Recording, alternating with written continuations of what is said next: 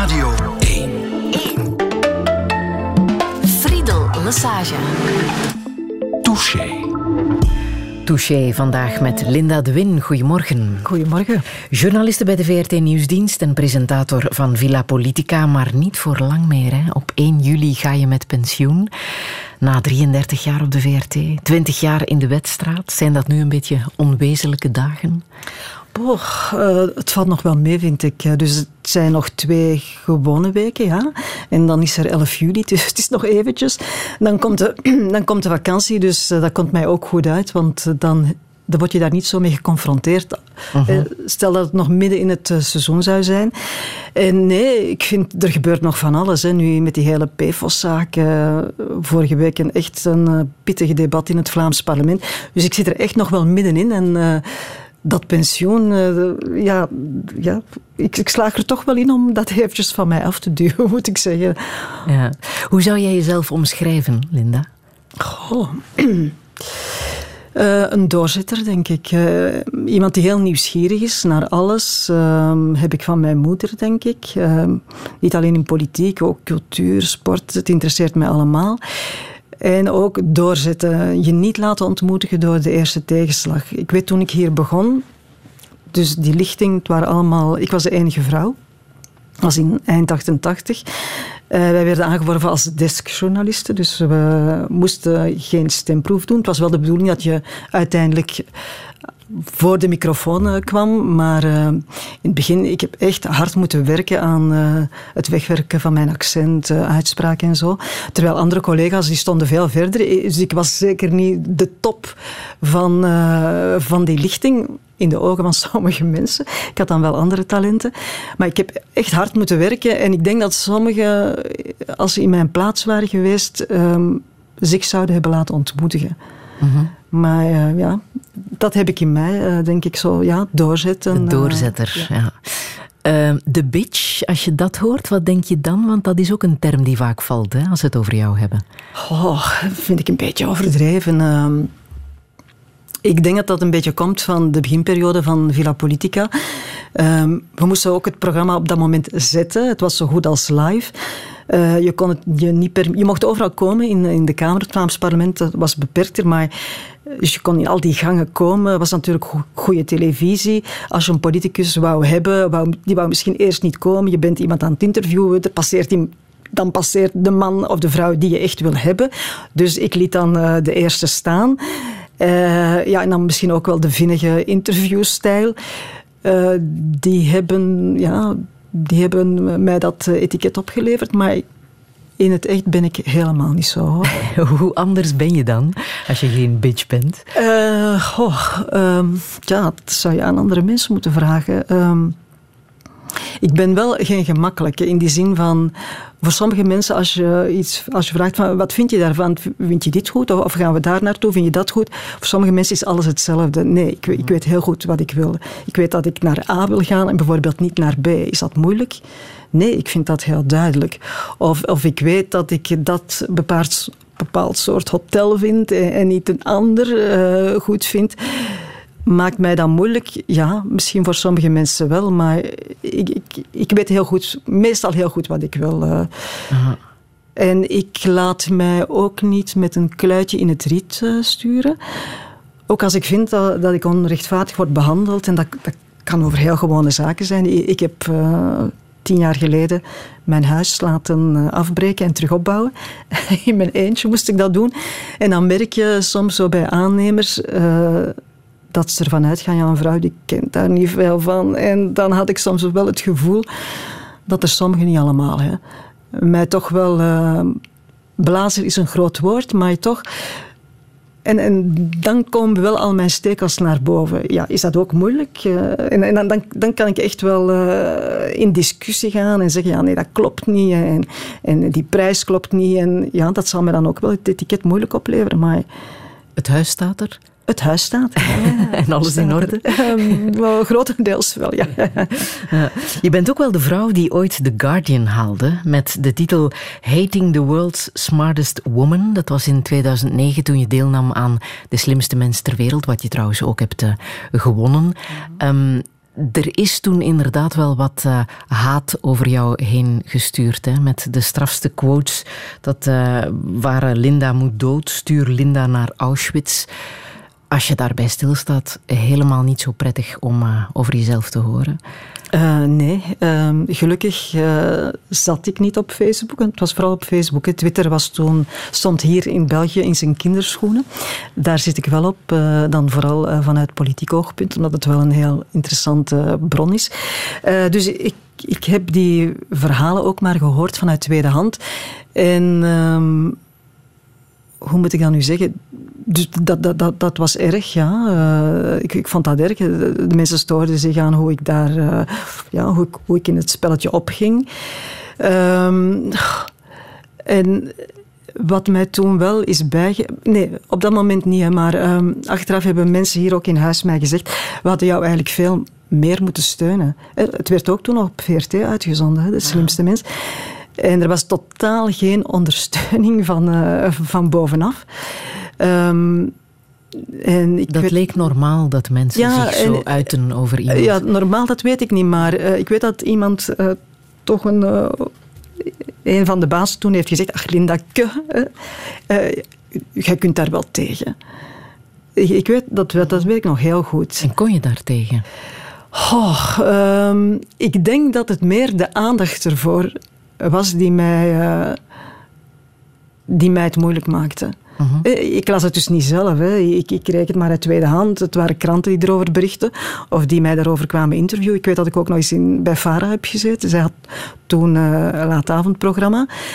Uh, ik weet dat het journaal daar een stuk over gemaakt heeft. En dat de, daar was de teneur zo van, ja, maar Facebook moet daar toch tegen optreden. Ja, Facebook treedt nu meestal wel tegen dat soort dingen op, maar dat heeft heel lang geduurd voor zij een beleid hebben ontwikkeld. Uh, dus ja, op de VRT bestond daar ook geen beleid ter zake van wat doe je daartegen. Uh, ik hoop dat dat er intussen wel uh, bestaat. Um, maar dus het kwam eigenlijk onrechtstreeks binnen. Ik moet ook zeggen, ik heb heel veel steunbetuiging gekregen in, in mijn eigen mailbox op de VRT. En er waren er eigenlijk maar drie negatieve bij. Dus ik heb die ook nog allemaal, die drie, die drie negatieve ook. En die vielen eigenlijk nog mee. Zo een, iemand die vond dat ik eigenlijk in dat programma niet thuis hoorde. Dan uh, de tweede kan ik mij niet meer herinneren. En de derde was zoiets van Bolletaf, die zo'n hele pagina Bolletaf, Bolletaf had, ge, had geschreven. Maar door het feit dat je ook heel veel steun kreeg, dat bracht het wel in evenwicht. Dat compenseerde. Ja. Linda de Win, welkom in Touché. Radio 1. 1. Friedel Massage. Touché.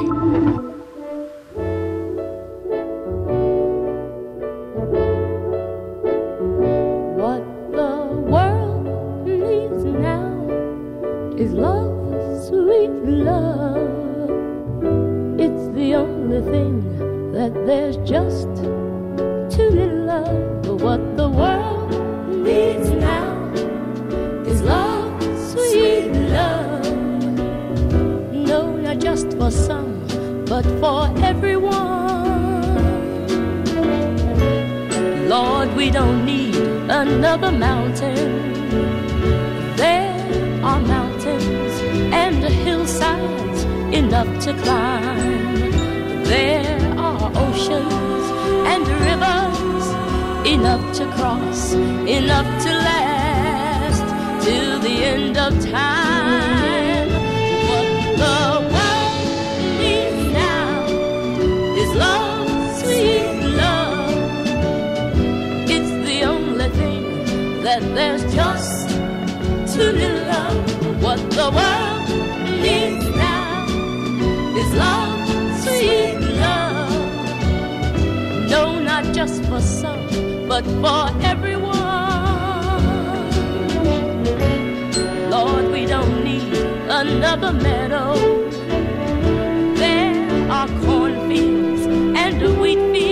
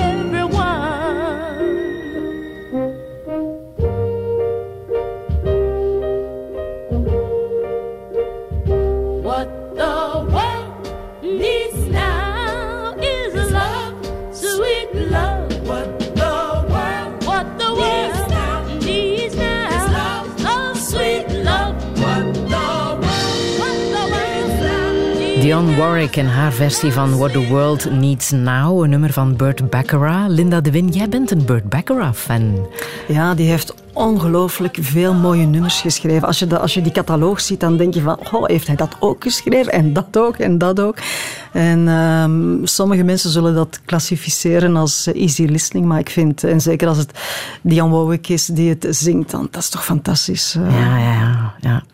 Linda, ik zal het nog één keer zeggen, nog tien keer slapen en dan ga jij officieel met pensioen. Mhm. Dat woord hoor je niet graag, hè, pensioen. Wat zit daar zo fout aan, aan dat woord? Eh, ik vind dat heel confronterend. Eh, het feit dat je met pensioen moet gaan. Dus je, je wordt 65. Uh, ik ben dat deze maand geworden. De maand nadien word je geacht met pensioen te gaan. In andere landen is dat, allemaal, is, is dat niet zo het geval. Ik denk maar aan de Verenigde Staten. En hun Joe Biden of Nancy Pelosi, die uh, in haar tachtigste levensjaren nog altijd uh, het Huis van Afgevaardigden voorzit. Uh, mm -hmm. Dus toch fantastisch eigenlijk. Um, dus het feit dat, dat verplicht wordt, terwijl iedereen weet dat onze bevolking vergrijst en dat iedereen langer moet werken, daar heb ik het lastig mee. Um, maar los daarvan vind ik ook, het cijfer is heel confronterend. Hè. Je mag je nog zo vitaal voelen als je wil. Er staat wel 65 en je weet dat twee derde van je leven eigenlijk voorbij is. En dat als ik geluk heb er nog een derde mag komen. Maar, en dat besef, ja, als je daarbij stilstaat, is ook niet zo'n leuk idee natuurlijk. Ja. Je hebt dat voor het eerst laten weten via een column hier op eh, Radio 1 in de toestand is uh, hopeloos dat je daar wel mee zat met uh, mm-hmm. je pensioen. Dat heeft wel een en ander teweeg gebracht. Hè? Een pak interviews, ook een gesprek met onze CEO, maar heeft het jou ook iets opgeleverd? heeft het mij iets opgeleverd? wat bedoel je dan precies? Dat er toch een debat uh, is ontstaan over... Er is een debat ontstaan, ja. ja, ja, ja. Hoe zit dat nu met dat verplicht pensioen? Uh, ja, het blijft nog altijd verplicht. Hè. En... Um, hoe moet ik dat nu zeggen? Want ik vind eigenlijk dat er al ge genoeg woorden aan uh, vuil zijn gemaakt. Um, dus de mensen die nog mochten blijven werken na hun 65ste, daarvan heeft onze CEO, eh, De Laplace, die heeft dat recht getrokken, tussen aanhalingstekens. Terwijl ik eigenlijk net wou dat iedereen die het wou, dat die de gelegenheid zou krijgen om verder te blijven werken. In de mate dat het natuurlijk mogelijk is binnen de dienst. Dat, kan ik niet zelf beslissen. En in de mate dat ze natuurlijk uh, goed zijn, hè, dat, dat de dienst iets aan hen heeft.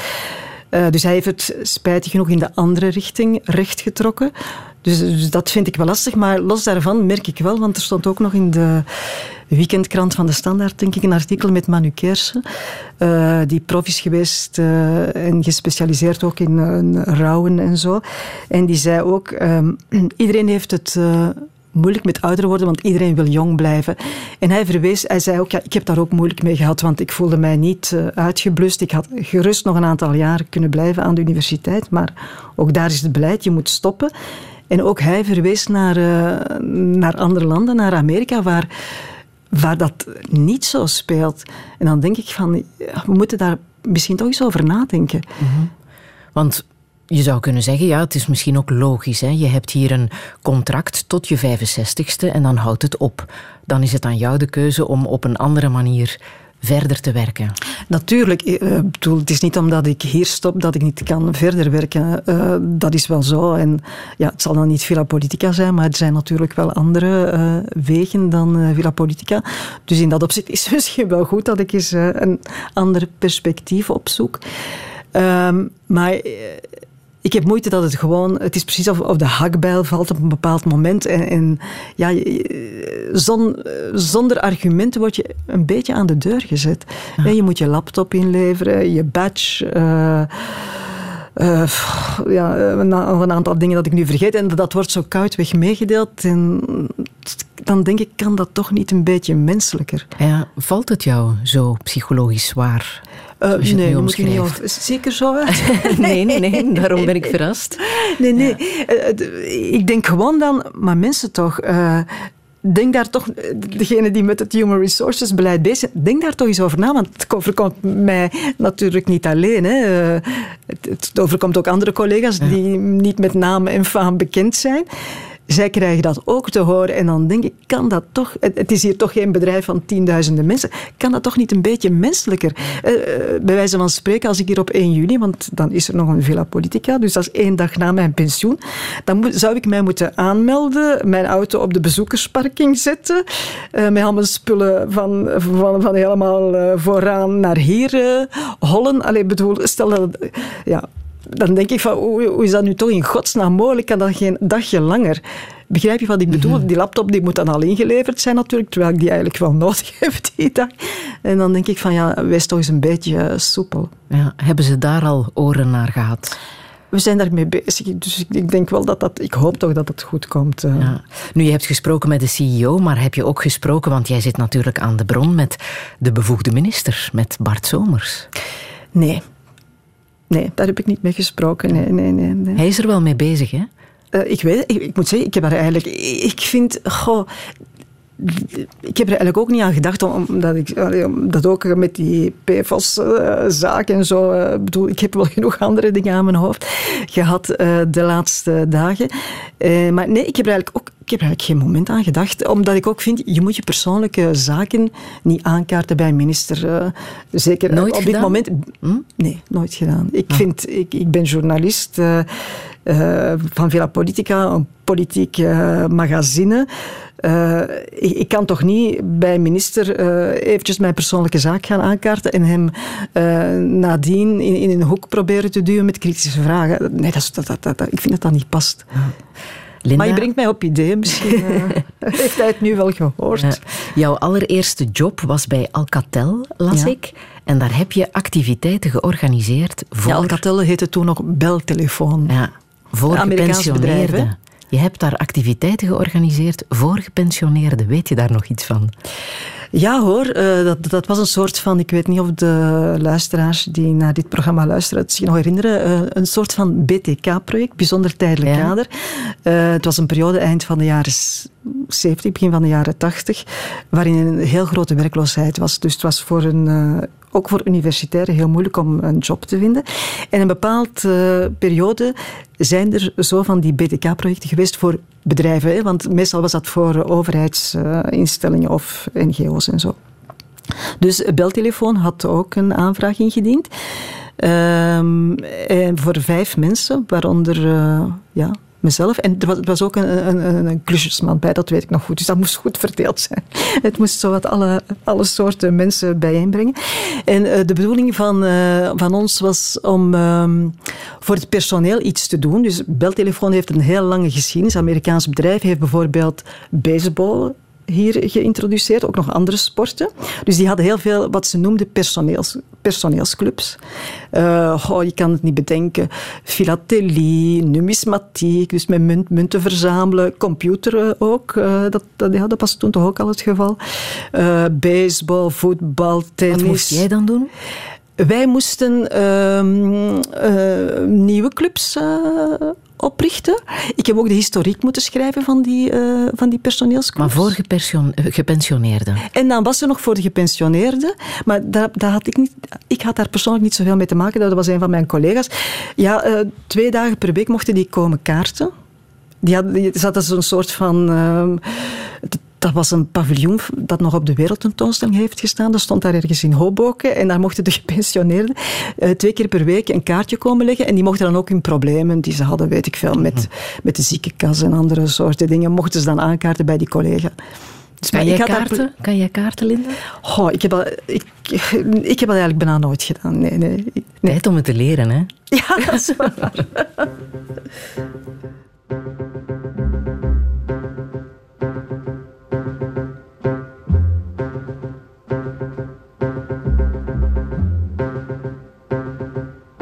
Et maintenant, que vais-je faire de tout ce temps Que sera ma vie de tous ces gens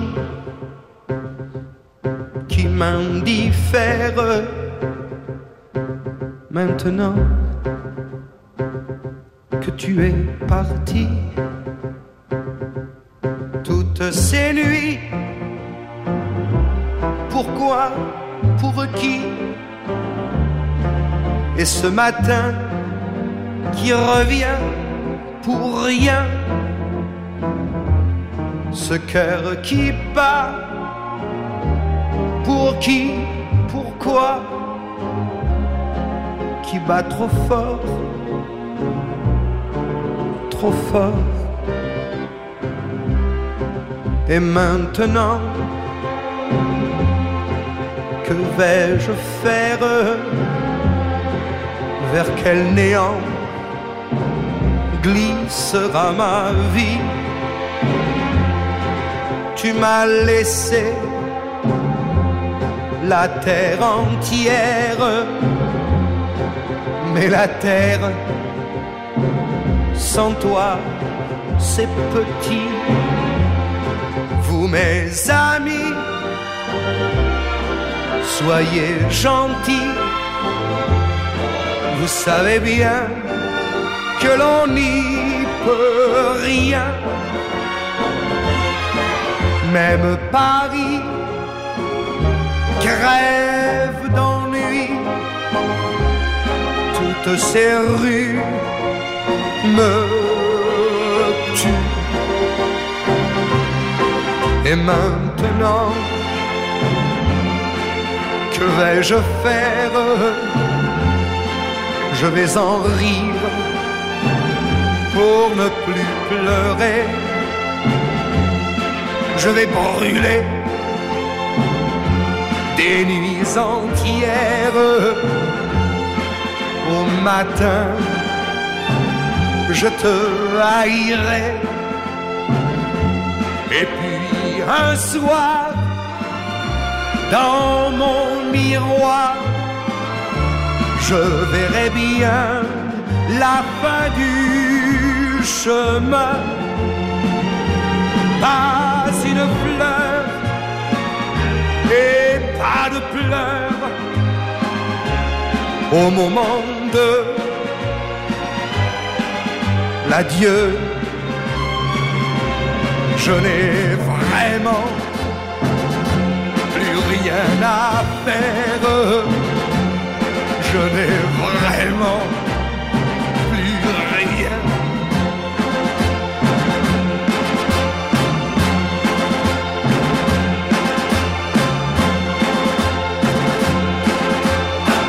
Monsieur 100 000 volts, ofwel Gilbert Bécaud. En et maintenant, que vais-je faire? Linda de Win, wat betekent dit nummer voor jou? Um, ik heb het vooral gekozen omdat uh, hij een van de lievelingszangers van mijn moeder was. Hij heeft hem nog gezien in de Elisabethzaal in uh, Antwerpen. Uh, ik vind, maar ik vind het ook een mooi nummer. Hè. Um, en inderdaad, in maintenant que vais-je faire? Het gaat wel over een afgebroken liefdesrelatie, maar het somt eigenlijk goed op waar ik nu mee bezig ben. Hè. Dus ja, que vais-je faire? Ik ben, er hebben zich al opties aangediend, maar ik ben blij dat ik toch nog eventjes de tijd kan nemen om te beslissen tegen september, oktober van uh, ja, wat, ga ik, wat ga ik nu doen met al die tijd die ik nu uh, krijg. Mm -hmm. Heeft jouw moeder van pensioen kunnen genieten? Zij was onderwijzeres, uh, is met 62 op pensioen gegaan, terwijl je kon dat wel uh, vroeger, denk ik, ook toen in het onderwijs, maar zij had ook geen volledige carrière. Um, en zij is gestorven op haar 69ste. Kanker. is niet zo heel erg lang meer. Mm. Mm. Dus eigenlijk nee, want ze is eigenlijk ziek geworden toen ze 64, 65 was. En ja, die ziekte heeft er echt wel ingehakt. Dus ze heeft er eigenlijk niet lang van kunnen genieten. Mm. Hoe was dat voor jou om afscheid te nemen van je moeder? Uh, dat was heel moeilijk. Dat was um, in de periode, dus ze is denk ik ja, een paar jaar ziek geworden voor ik hier begon. Maar toen het einde naderde, dan was ik net begonnen op de VRT. En um, ja, je bent dan, uh, ik, zei het, dus dat was niet zo'n makkelijke periode voor mij. Je moest, je moest echt waarmaken, je moest, uh, moest uh, bijschaven aan mijn accenten en zo. Dus je, je, moest allerlei, het, was allemaal nieuw. het is een heel concurrentiële omgeving natuurlijk ook. Um, dus er was niet zoveel tijd voor mijn moeder. Um, en het was ook heel moeilijk omdat zij zij wou er niet over praten. Zij ontkende eigenlijk dat ze kanker had. Dus dat was, ja, hoe kan je met iemand een gesprek aangaan als diezelfde persoon ontkent dat ze dat heeft, ook al moest ze bestraald worden, ook al moest ze, ja, ze heel zware pillen nemen. En, en het was ook uh, ja, binnen. Dus mijn vader durfde dat gesprek ook niet echt aan, mijn zussen ook niet. Het was ook misschien een andere tijd, begin van de jaren negentig. En ik denk de dokters ook niet. En ik was toen, denk ik, te veel met andere dingen bezig. En ik, ik, misschien ook nog te jong om. Want normaal ben ik eigenlijk wel vrij kordaat. Mijn moeder is ook een heel kordaat. Hè, dus dat was eigenlijk ook wel heel confronterend. Dat is iemand die. Zij had eigenlijk de touwtjes in handen in het huishouden. Zij reed met de auto. Mijn vader vond dat heel gemakkelijk. Zij regelde de bankzaken. Zij zei van. Uh, uh, toen ze uiteindelijk een, potje hadden gespaard van zouden we eens niks uh, een appartement of zo kopen om te verhuren. Mijn vader zou daar nooit aan gedacht hebben. En toch op dat vlak was... wou ze dat niet onder ogen zien. Mm, maar wat je zegt, hè, dat was misschien ook wel eigen aan, aan de tijd. Het uh, gesprek over kanker lag gewoon ook heel erg moeilijk, ja, was niet evident. Was ik kan mij ook niet herinneren dat, uh, want ze heeft ook wel even in het ziekenhuis gelegen. Ik kan mij niet herinneren dat een van die dokters naar ons is toegekomen om te zeggen van kunnen we dat bepraten? Of ik weet niet. Palliatief zorg, ik weet, ik weet zelfs niet of dat toen al bestond. Ik denk het misschien niet, maar het had haar, uh, ja, het had haar lijden, haar pijn ook wel kunnen verlichten. Maar uh, het is heel moeilijk natuurlijk met iemand die dat ontkent. Hè. Dus ik, ik, ik had toen nog niet lang eh, het huis gekocht dat ik dan later heb afgebroken. En ik weet nog goed, een van de laatste dagen dat ik in het ziekenhuis was, dan was ze nog mee aan het zeggen van, maar we gaan, we gaan dat en dat doen, we gaan die tegels kiezen en we gaan dat. Dus precies alsof ze nog weken te, te leven had, maanden te leven had. En als je naar haar keek, bedoel, als ze zelf in de spiegel keek, dan, dan moet ze dat toch gezien hebben. Ze was nog een schim van uh, degene die ze was. Mm. Jouw vader, hoe is het met jouw vader gegaan daarna? Uh, goed. Uh, vrij goed, vind ik. Maar het is ook een heel introvert iemand. Dus uh, daar is, hij, heeft, ja, hij heeft haar lang overleefd. Bijna twintig jaar. Uh, mijn jongste zus, ehm, die is ook een hele tijd bij hem gebleven, woonde ook in de buurt. Ja, ik woon ook niet zo ver hoor kon zich heel, mijn vader kon zich heel goed beredderen. Dus dat is ook iemand die vroeger al heel graag kookte en zo. Uh, dus op dat vlak was dat, was dat allemaal wel. Dus het was nu niet dat hij ineens uh, hulpeloos was, dus, dus dat niet. Uh, maar er is later ook, soms is er wel over gesproken. Dus ik heb, ik heb twee zussen. En dat, maar dat, is, dat was dan jaren later, zo rond de kersttafel of zo. Van, dat we dat toch zo verschrikkelijk vonden dat mijn moeder dat niet, niet onder ogen kon zien. Dat er ook met, met, met haar familie niet over mocht gepraat worden. Ja, wij vertelden dat dan wel, maar ah. ja, zij mochten met haar daar niet over praten. Ze zei altijd van, ik, ik weet dat nog goed, ze was eens van de trap in de kelder gevallen en dat het daardoor kwam dat ze... Ja. Dat ze zich niet, uh, ja, dat ze dan naar rug gaat en, en, dat dat, ja, weet ik veel. Mm.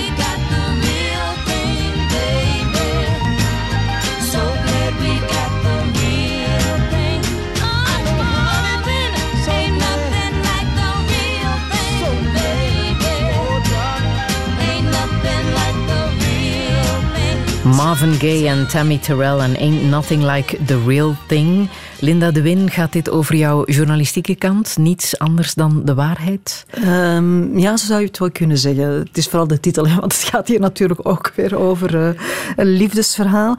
Uh, ja, dat vind ik toch wel belangrijk. Ik hou ook niet van schijn, hypocrisie en... Uh, ik vind ook nu, we hebben het al eh, twee keer, ik heb het er al twee keer over gehad, over die PFOS-zaak. Ik vind wel dat de onderste steen naar boven moet komen. En ik hoop dat dat, het zal dan niet meer voor uh, mij zijn. Hè? Want uh, ik denk nu, die onderzoekscommissie die zal wel haar werk hebben. Het zal wel enkele maanden in beslag nemen. Maar uh, goh, als je dat leest dan, en als je dat hoort, dan denk je toch van... Jongens, toch, dat is al zo lang aan de gang. Mm. Hoe kan dat dat dat potje zo lang gedekt is gebleven? Ja, tenzij jij natuurlijk op een andere manier nog aan de slag gaat, hè, ja, Linda? Ja. dat is nog even afwachten. Ja. Zeg maar, je hebt uh, geschiedenis gestudeerd, dan een tijdje aangemodderd. Uh, mm -hmm. Ik gebruik je eigen woorden. Mm -hmm. En pas toen je, ik denk een jaar of 32 was, heb je ja. het journalistenexamen gedaan. Hè? Ja. Wat heeft jou toen overtuigd om dat te doen? Wel, het was eigenlijk altijd een, een droom van mij, journalist worden. Ik, ja, ik denk oh, al van toen ik 13, 14 was, was ik daarin geïnteresseerd. En ik weet dat uh, klasgenootjes dat eigenlijk niet zo waren. Ik, ik weet nog, in de Franse les heeft um, de, de lerares toen is een soort van... Ik, geen examen gedaan, maar zo gewoon een, een soort van test. Ze gaf ons 15 woordjes en we moesten die dan in het Frans omschrijven. Het is een beetje een voorafspiegeling van het journalistenexamen waar je 30 testwoorden krijgt. Ja, ja, ja. En een van die woorden beschrijven, denk ik, ja, goh, 374 was Spinola. Spinola. Dat was de Portugees uh, generaal die... Uh, Portugal was toen een dictatuur. En ik weet, de meeste, de meeste van mijn klasgenoten wisten niet wie dat was. En iemand had zelf eens gezegd, goed gevonden vond ik, un coureur espagnol. een Spaanse wielrenner. Nee, dus het, zat er eigenlijk wel van jongs af aan in. Heb ik ook gekregen van mijn moeder, denk ik. En um, wat ook wel een zetje heeft gegeven, dat is het Watergate-schandaal. En ik weet nog dat ik dat boek van uh, Carl Bernstein, Bob Woodward heb gelezen. Dat waren en de twee journalisten, twee journalisten jonge journalisten die dat blootgelegd. En dat, was, dat las echt als een thriller. Hè. Dat was precies een detective, afspraakjes in een parkeergarage met bronnen die, die zich, Deep Throat, die zich dan niet wilden bekendmaken. Um, en jij dacht, ik wil dat ook? Ja, ik dacht, goh, wat een spannend leven. Wat een spannend, ja, en vooral onderzoeksjournalistiek, ja. wat ik dan eigenlijk nooit heb gedaan. En ik denk zo rond die periode begon ook een nieuwe lichting hier op de, op de toenmalige BRT. William van Laak, Bavo Klaas, Johan de Poorter, uh, Peter Kremers, denk ik. Uh, en dat waren zo toch wel in vergelijking met de journalisten van, er, van voor hen, uh, ja, een, jonge, frisse generatie. Ik dacht, hmm, nieuws moet niet gepresenteerd worden of, gemaakt worden door, uh, door mannen in grijze, saaie pakken, maar het, kan ook veel frisser. Ik denk, zo die twee dingen, plus mijn interesse, die hebben dan ge, gedacht van ja, en, en ook zo de waarheid willen bovenleggen van hoe zit dat nu in elkaar, wat is daar gebeurd? Dat heeft mij ertoe gebracht om te denken, ja, dat is wel iets voor mij. In het begin natuurlijk was die BRT, dat was zo, ja, VTM bestond op dat moment uh, niet. Een machtig instituut. Je hoorde daar dan de journalisten netjes praten. Ik dacht, goeie, dat ga ik nooit kunnen. Uh, je hoorde ook die verhalen van ze doen daar met uh, 400 mee aan een examen en er zijn er vijf over. Moet ik zeggen, toen ik aan mijn examen in 88 meedeed, waren we ook denk ik met een stuk of 800 en we zijn er denk ik met uh, 20 of zo overgebleven. Dus dat ik daar aan bij was, dat was fantastisch. En de, wat mijn geluk is geweest, dat is eigenlijk de oprichting van VTM. Want uh, er waren heel wat journalisten van de radio naar VTM gegaan. Dus ze zaten daar ineens met, veel, met, met een tekort. En dan hebben ze gedacht van... Ja, maar als we dan... Het examen moet natuurlijk zo moeilijk zijn als, als voordien. Maar voor, voor de jaren ervoor was er eerst een, een stemproef. En uh, ja, dan waren er al heel wat mensen uitgeschakeld. En toen hebben ze gedacht van nee, die stemproef gaan we aan het eind doen. En ook de mensen die geslaagd zijn voor de rest en niet voor de stemproef, die gaan we nog een kans geven. En uh, zo ben ik dus op... Dat is jouw geluk geweest. Dat is mijn Mag ik zeggen, uh, Linda, dat um, jouw Watergate-moment hier op de VRT misschien wel is gevallen in december 2008 met de Fortis-affaire? Ja. Dat was een vrijdag Een vrijdag, een gedenkwaardige dag. Dus er was al wel van alles gebeurd de dag voordien, de donderdag. Ehm, eigenlijk was het woensdag al gebeurd, waarin naar het de toenmalige premier naar het parlement was geweest en nogal een schimmige verklaring had gedaan. De donderdag zou het normaal vragenuurtje zijn. Eh, want uh, ja, parlementsleden die wilden aan verschillende ministers vragen stellen van ja, wat, is, wat heeft hij nu gezegd, ook aan de premier. Maar die ministers die kwamen niet opdagen. Dus wij hebben toen een uitzending gemaakt van twee uur. Die ministers die kwamen maar niet. En uh, de dag nadien, dus is, vrijdags is er nooit parlement, zou de Kamervoorzitter, uh, dat was toen Herman van Rompuy, een rapport uitdelen over de Fortiszaak. Uh, een heel klein rapport dat Gilijn Londers uh, toen had geschreven. En hij zou dat uitdelen aan de fractieleiders. Dus dat is nu dus de fractieleiders van elke partij. Maar dat gebeurt dus binnenskamers. En ik kom hier aan op de VRT, uh, ik weet niet, tien uur, half elf. En mijn eindredacteur die zegt tegen mij, zouden we toch niet naar het parlement gaan? Want deze namiddag, ik denk dat het zoiets rond half vier was, gaat, gaat Herman van Rompuy dat rapport uitdelen. En ik weet nog dat ik toen zei, ja maar... Er, is geen volk in dat parlement, er gebeurt niks, dat gebeurt binnen kamers. Ja, zegt hij, maar toch, maar toch. Oh, ik vind, dat, ik vind dat we moeten gaan. En dan ben ik wel gemakkelijk. Dan denk ik van, ja, heeft misschien wel gelijk. Maar dan komt hier een hele machinerie in gang. Hè? Want je moet, je moet cameraploegen hebben. Je moet, je moet daar een technische installatie hebben. Uh, de hoofdredacteur moet akkoord gaan. Het zendschema uh, moet, uh, helemaal, wordt helemaal overop gegooid.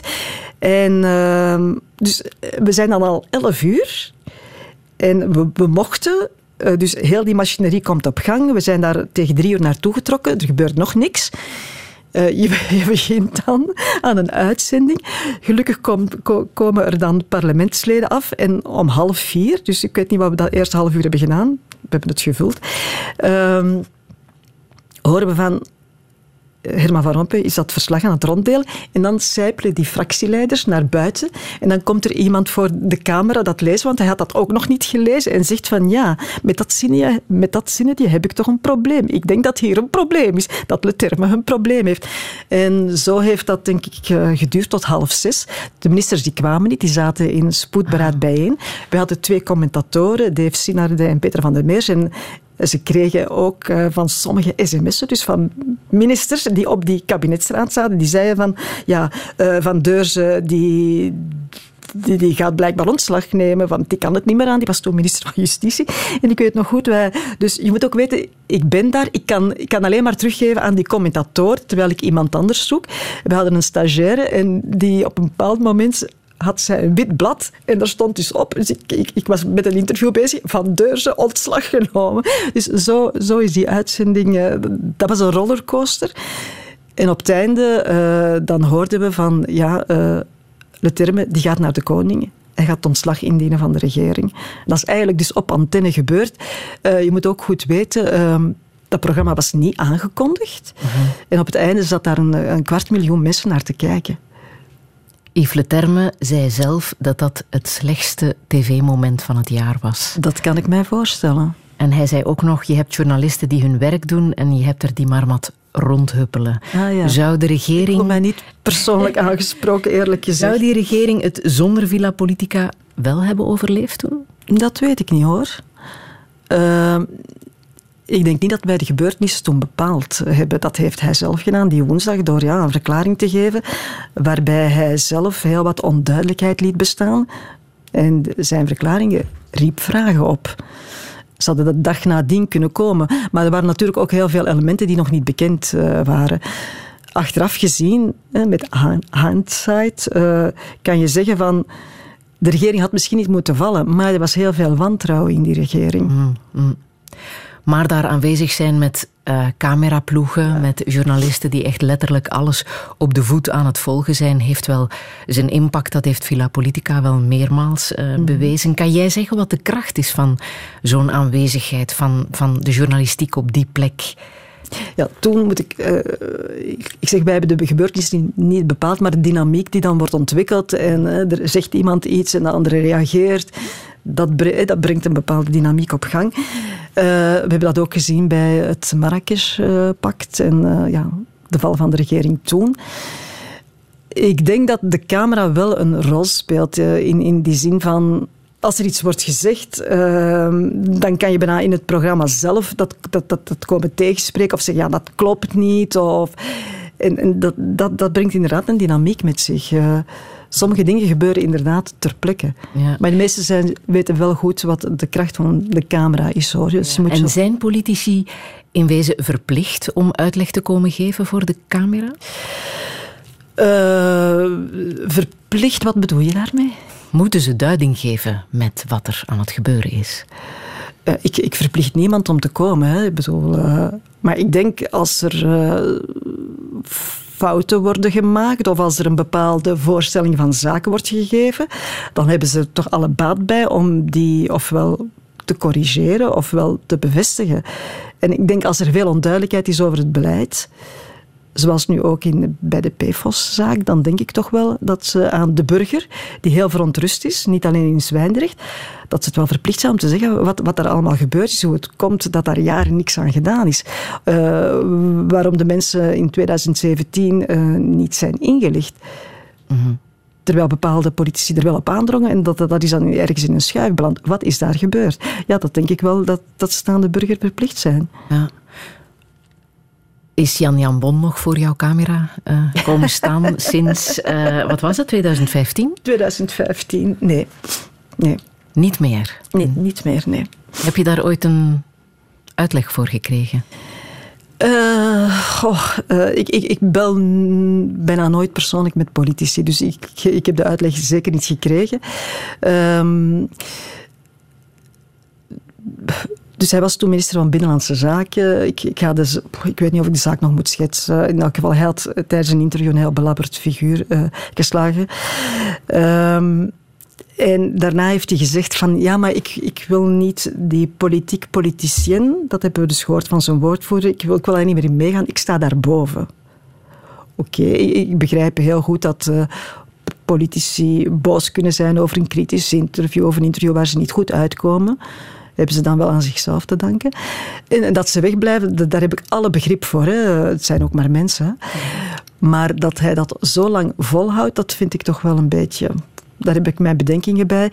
En bedachten dat die bladzijde kon worden omgeslagen toen hij minister-president werd. Ik bedoel, een Vlaamse regering neemt heel wat uh, beslissingen. Uh, en dan vind ik het toch wel... Ja, dan ben je toch wel eens... Dan, dan mag je bepaalde beslissingen toch wel eens komen toelichten. Maar eh, nee, die bladzijde voor hem, die blijft, of het boek voor hem blijft dicht. Ehm.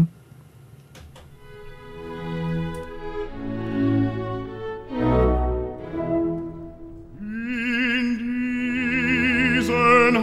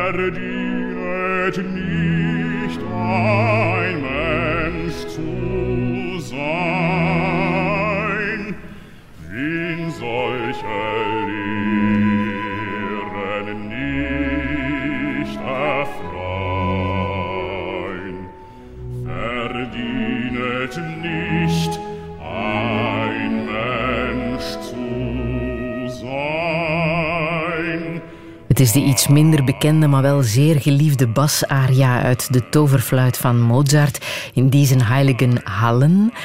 Linda de Win, jij bent een opera-liefhebber, hè? Ja, dat klopt. En eigenlijk eh, is het eh, deze opera.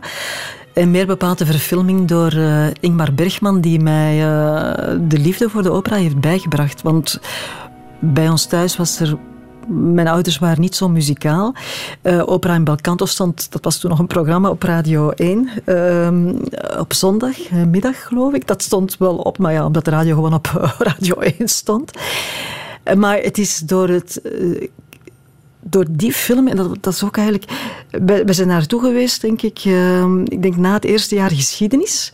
Eh, de resultaten waren bekendgemaakt en dat was zo'n grote opluchting. We waren er met elf door, op veertig die hadden deelgenomen.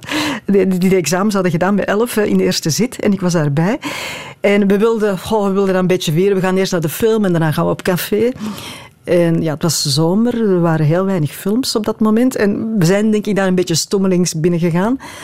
Maar dat was zo mooi in beeld gebracht. En die muziek, die, die heeft een snaar geraakt, denk ik. En ehm, het heeft dan wel nog jaren geduurd eer ik een opera-abonnement heb gekocht. Ja, dat was ook duur en de Vlaamse opera had toen niet zo'n goede faam. Dat is pas toen dat eh, Gerard Mortier die onder handen heeft genomen, eh, dat, dat hij echt eh, geworden is en later geworden is tot wat hij nu is. Ehm, maar dus ik heb een tijd zelfs twee opera-abonnementen gehad, De Munt en ook op De Munt. Maar dat heb ik eh, stopgezet. Om, ze zijn, ze zijn een, eh, twee seizoenen moeten uitwijken, denk ik, naar uh, Tour en Taxis. En daar kwamen dan vliegtuigen over. En er was altijd iets aan de hand met, met de plaats, eh, met, met de bezittingen zo. Maar eh, mijn opera-abonnement heb ik nog altijd. Dus ik heb het eigenlijk wel heel erg gemist eh, door corona, moet ik Maar zeggen. eindelijk kan het terug. Heb je al dingen in je agenda staan? Opera, dat eh, is, ik heb dat net in mijn mailbox gekregen dat, het nieuws, dat je je kaarten kan bestellen. Dus dat wordt opnieuw een abonnement. Ik heb ook gezien dat Così fan tutte erbij is van Mozart. Dus een ah ja, fantastische opera, komische opera ook. Eh, en wat de rest betreft heb ik toch al wel een aantal theatervoorstellingen eh, vastgelegd voor de zomer. Zijn er ook boeken die klaar liggen om eh, te lezen? Want je bent ook wel een boekenlezer. Hè? Ja, ehm, er ligt een boek klaar. eh, de Engel van München heet die. En ik denk, want het is een Italiaanse schrijver. Zou het Filippo Massimo kunnen zijn? Moet ik eventjes nadenken. Eh, het is een thriller, maar die ook een, historisch, ehm, een historische kant heeft. En het, gaat, het heeft iets met eh, ja, de oorlog te maken en met, ja, met Hitler. Dus eh heeft heel goede recensies gekregen. Dus dat ligt klaar. Ja. Wat lees jij graag? Wat lees ik graag? T- ik, ik lees eigenlijk, en dat is misschien raar, hè, ik lees eigenlijk heel graag Victoriaanse literatuur. Ja? Ja, ja. Dus ik heb, denk ik, bijna alles van Charles Dickens gelezen. Eh, dat zijn meestal heel dikke boeken, maar eh, ja, ik, vind, ik vind dat fantastisch. Hoe hij zo'n wereld kan, eh, kan scheppen. Ook al die verschillende karakters. Soms, ik denk voor veel mensen is dat heel ingewikkeld. De Antwerpse theatergroep Compagnie Marius heeft een aantal jaar geleden nog een bewerking gemaakt van Onze Wederzijdse Vriend. En eh, ook een heel lang stuk. En ik weet dat heel veel eh, van mijn vrienden zeiden, maar ik kan dat niet volgen. En ik heb dat boek gelezen, ook al heel lang geleden, maar ik kon het wel goed volgen. En eh, hoe dat zij dat ook, ze hebben dat in drie of vijf uur, ik weet het niet meer, hebben ze dat samengebald, wat al een hele prestatie is. Maar ja, eh, ik vond dat fantastisch om dat nog eens mee te maken. Maar ook bijvoorbeeld, en dat is dan een heel ander soort van eh, Victoriaanse literatuur, Jane Austen lees ik ook heel graag. Uh, George Eliot, ook een vrouw, ondanks haar naam, Middlemarch, Daniel Deronda soms denk ik van, ik moet dat allemaal eens terug gaan lezen. Er is nu tijd. En de Bronte Sisters vergeet ik dan natuurlijk nog. Maar er is nu tijd. Ja, er is nu tijd. en misschien ook de Russen. Dus ik heb ook, toen ik 18, 19, 20 was, Dostoevsky, Gogol, De Dode Ziel, ook fantastisch. Uh, ik heb nooit Oorlog en Vrede gelezen. Ik heb dat wel op televisie al een paar keer verfilmd gezien. Maar ik denk, hm, Tolstoy, Oorlog en Vrede, misschien moet ik daar ook eens aan beginnen. Want dan krijg je ook een heel stuk van de Russische geschiedenis mee. En ja, maar Linda, het is niet alleen hoogstaande cultuur, hè? Als jij series kijkt op tv, uh, ja, dan mag het van alles zijn. dan mag, uh, ja, uh, bijvoorbeeld, ik, kan, ik heb nu net Mare of Easttown gekeken met Kate Winslet, heel goed vind ik. ik oh, Handmaid's Tale en zo, vooral de, de eerste, eerste twee seizoenen vond ik heel goed. Maar ik kijk ook wel uit naar het vierde seizoen. maar ik kan ook genieten van een ziekenhuisserie zoals Grey's Anatomy. Dat, dat gaat ook al lang mee, maar op de deur ken je die karakters als uh, het zijn bijna huisgenoten. Of ook zoiets als van bij ons, dertigers. Uh, heel kort. Uh, ik dacht, ik weet toen ze dat hier aankonden, ik dacht van, oh. En toch, je begint te kijken en dat vraagt niet veel inspanning op het einde van een avond. En, oh, ja, kan daar best naar kijken eigenlijk. Ik heb nog heel mooie um, vioolmuziek uit de film die een grote indruk op jou heeft gemaakt, Son of Soul. Dat was eh, de Hongaarse film van Laszlo Nemes, die ook de Oscar heeft eh, gewonnen. En de Gouden Palm ook, denk ik? Beste niet-Engelstalige film. Wel een film waar je niet bepaald vrolijk van wordt, hè? Nee, ongelooflijk. Ja, ik moet zeggen, eh, de oorlog, de Tweede Wereldoorlog, dat boeit mij ook omdat mijn ouders, die waren 17 toen de oorlog uitbrak. Uh, mijn vader is moeten gaan vluchten, want anders werd hij ingeleid bij het Belgisch leger. Dus gaan vluchten naar Frankrijk. Uh, mijn moeder heeft er nooit veel over verteld. Ik weet wel dat er uh, dan wel soldaten bij hen gelegerd waren en zo, maar over wat dat voor hen betekende hebben zij eigenlijk nooit veel verteld. Alleen zo als we stout waren, ja, je kent dat wel, oh, het, zou nog eens terug oorlog moeten worden. Um, waarvan dat je dan denkt van zeg. En als 14, 15-jarige heb je daar ook geen boodschap aan. Um, maar nu heb ik spijt. Met, met, met, mijn vader hebben we achteraf wel eh, nog gepraat over die vlucht naar Frankrijk en wat hij daar heeft meegemaakt. Schuilen in de gracht naast de weg, want dat er bommenwerpers en zo uh, boven kwamen. Maar toch over waar ze allemaal gezeten hebben, dat dan denk ik van, Linda, waarom heb je, dat, waarom heb je daar niet meer over gesproken? Natuurlijk, je, je, je hebt zelf een leven, je, je bent eerst druk bezig met studeren, dan met uh, je, je werk, werk zoeken, carrière, carrière tussen aanhalingstekens maken. Je, je bent bezig met je eigen leven op te bouwen eh, en, en, en dan gaat dat weg. En daar heb ik nu eigenlijk ontzettend spijt van. Want en als je dan naar die film kijkt, het gaat over een gevangene, maar die ook mee uh, de mensen naar de gaskamers moet jagen, de lijken moet bergen. Door de ogen van die man kijk je naar de film. Dat is ontzettend. En ik heb daar ook al wel genoeg over gelezen en zo, maar elke keer weer oh, denk ik van hoe, kunnen mensen dat andere mensen aandoen? En misschien is dat heel naïef wat ik nu zeg, want die dingen gebeuren op, op andere schaal, op kleinere schaal, eigenlijk tot de dag van vandaag. En nu weten we het misschien allemaal veel beter. En we doen grotendeels, en, ik ook natuurlijk, we doen grotendeels onze ogen toe als er een genocide gebeurt. Ja, die prachtige Son of Soul, als je hem ergens kan bekijken. Zeker doen een tip van uh, Linda de Win. Radio 1. 1. Friedel Massage. Touché. Touché met journalist Linda de Win. Op 7 juni werd ze 65. De pensioengerechtigde leeftijd. Al heeft ze het daar erg moeilijk mee. Niet alleen met het oudbollige woord pensioen, maar ook met het idee dat ze vanaf nu niet langer zal opstaan om naar het werk te gaan. Corona heeft haar laten voelen hoe belangrijk het werk voor haar is. Maar hoe moet het nu verder? Gaat ze voortaan als zelfstandige aan de slag? Zal ze haar vrijgekomen tijd vullen met sport en opera? En was het zwarte gat even groot geweest als er een gezin was waarvoor ze kon zorgen? Dit is Touché met Linda de Win. Een zeer goede middag.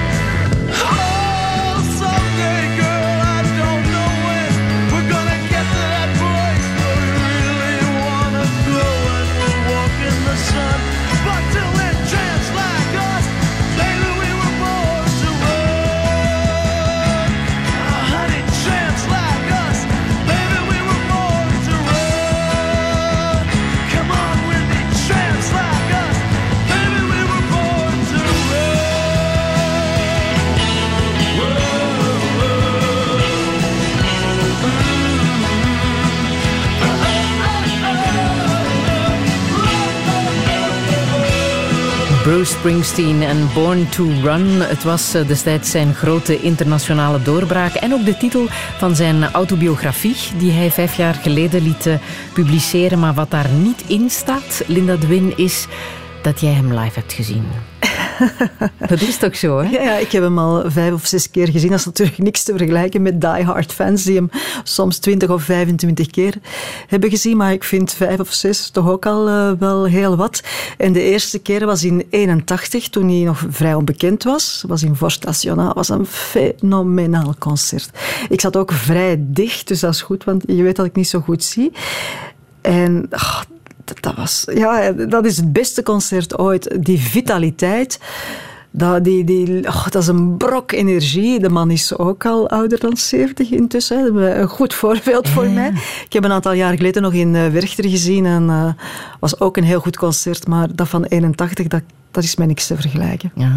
Hij uh, speelde ook op de inauguratie van de nieuwe Amerikaanse president Joe Biden in januari, wat hij niet zou gedaan hebben voor Trump. Mm. Um, jij bent een uh, grote America-lover. Um, wat verwacht jij van uh, Joe Biden?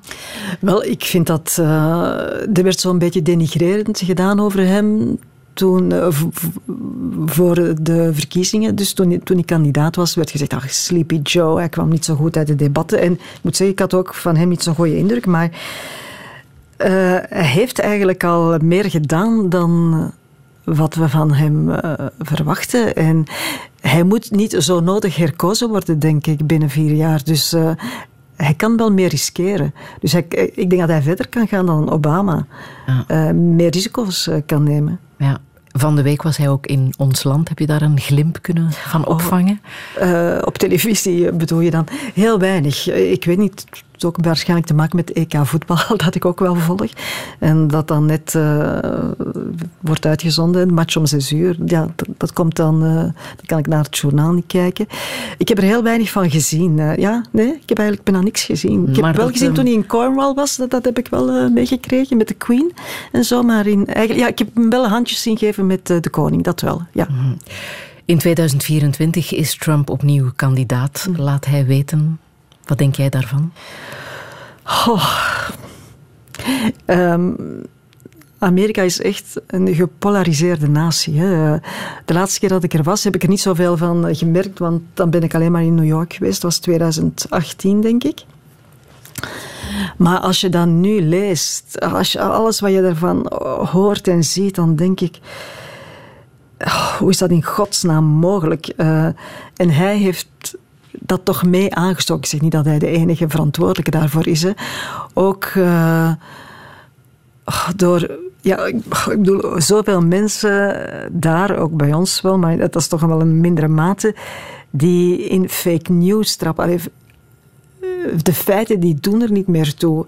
Heel wat mensen, en daar doen tv-zenders als Fox en zo aan mee, die echt fake news uh, propageren en, en, heel wat mensen die daar, daarin trappen. En, en, en, niet omdat ze van kwade wil zijn, maar ook omdat ze niet genoeg geïnformeerd worden, omdat er te weinig. Allee, er zijn heel veel kanalen, maar blijkbaar uh, hebben ze daar geen toegang toe of doen ze niet de moeite. Uh, de polarisatie daar, dat, dat, dat ik, ook als je ziet hoe, hoe, hoe, dat de Republikeinse partij verworden is tot wat ze nu is, dan denk ik van... Waar zijn al de fatsoenlijke mensen naartoe? En heb je daar een verklaring voor? Hoe die media in Amerika zo um, gepolariseerd raken? En, uh... Ja, het grote geld zal daar wel iets mee te maken hebben, zeker. Maar uh, ik denk dat dat is nu maar, ik ben ook maar een amateur wat Amerika betreft. ik bedoel, het is niet omdat ik daar een paar keer bent geweest, dat je de samenleving kan doorgronden. Maar ik denk dat ze. Uh, dat. Uh, hoe moet ik dat nu zeggen? De, de geschiedenis van Amerika is heel recent en er zijn een aantal zaken nog altijd niet verwerkt, denk ik. De burgeroorlog, ik, weet, ik ben daar in 2016, uh, zijn we toch in Virginia, in. South Carolina en zo geweest. En dan zie je dat de brug van eh, de Confederale Staten, die zie je nog bij bepaalde huizen, die staat daar nog in de voortuin. Wat zei ik nu? De vlag, hè? de vlag van de Confederale Staten, die staat daar nog in de voortuin. Dan denk je, dat, dat, kan toch niet? Dus precies alsof uh, of ze de nederlaag, eh, dat, dat ze aan de, half, half, de helft van de 19e eeuw nog altijd niet verteerd hebben. Ook denk ik, en ik bedoel, ik ben de laatste om daar uh, een oordeel over te vellen, maar uh, als je kijkt naar de beweging Black Lives Matter, hoe het omgaan met, een, uh, ja, met, met, met de zwarte bevolking, ik bedoel, de discriminatie is pas in de jaren zestig opgegeven en, en, en, en dan nog, dat, dat, dat, dat heeft jaren geduurd. Eh, eh, in bussen, de, de, de, de zwarte aan de ene kant, de blanke aan de andere kant. Dat, dat, dat- werd misschien in de jaren 60 opgegeven, maar het heeft jaren geduurd voor het echt zo ver was. En ik bedoel, je zal maar lid zijn van eh, de zwarte gemeenschap en dat, eh, ja, dat nog dadelijk zal er vinden. Ik denk dat wij dat niet kunnen, wij kunnen ons dat niet voorstellen, denk ik. eh. dus ik denk dat ze daar ook mee worstelen. En Amerika is, is een land van heel wat eh, nationaliteiten die van overal over heel de wereld komen. Maar eh, ik denk dat heel wat zwarten daar nog altijd eh, het gevoel hebben. En ook als je ziet hoe dat de politie daar soms te werk gaat, dat ze achtergesteld zijn. En van waar jouw liefde voor Amerika? De, de geschiedenis boeit mij, denk ik. Eh, een, een nieuwe natie, hoe, hoe, hoe, die ontstaan is. eh, eh, dat is begonnen heel, heel onnozel, denk ik, toen ik 13, 14 was met de boeken te lezen van Karl May, een Duitser die schreef over cowboys en indianen en die nooit, in Amerika, nooit een stap in Amerika heeft gezet. Dat was het prille begin, maar ja, Amerikaanse geschiedenis... heeft mij ook altijd geboeid. De Kennedys, eh, heel die dynastie. eh, ja, als ja, 11, 12, 13 jaar fascineerde mij eh, die familie. Ehm, ja, en, dan natuurlijk, John Kennedy wordt, die wordt vermoord, Robert Kennedy wordt vermoord. Natuurlijk achteraf, als je, als je ouder wordt, en dan, dan weet je dat die... ze waren ook allemaal niet zuiver op de graad. Er waren banden met, misschien wel met de, de maffia. Eh, de vader had ook eh, nazistische sympathieën. De vader van de Kennedys was ambassadeur in Londen. Ja, en, en dan... Dan heb je ja, heel die Watergate-affaire. Twee journalisten die dat blootleggen. Een president die moet aftreden. Eh, dan Obama, de eerste zwarte president. Ik bedoel, Amerika is ook eigenlijk altijd eh, het, ja, de, de leidende natie, de, de, de- grootmacht geweest. Dus da- daar kijken we, de muziek kwam vandaar, eh, be- behalve dan een beetje de Beatles en zo. Dus het is op heel wat vlakken bepalend geweest. En, Je kan er eh, veel over lezen, maar het is nog altijd ehm, bepalender als je er zelf bent geweest. en dan als je zie je zelf ook het maar een DNA kan stukje- gaan voelen. Ja, en dan zie je ook maar een stukje van de realiteit natuurlijk. Hè.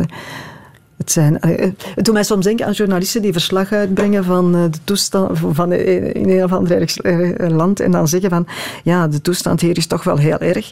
En dan denk ik, ja, maar je ziet toch maar een stukje. Je hebt maar een klein stukje gezien. Hè. De toestand in, in, in, in een andere wijk in die stad is misschien helemaal anders.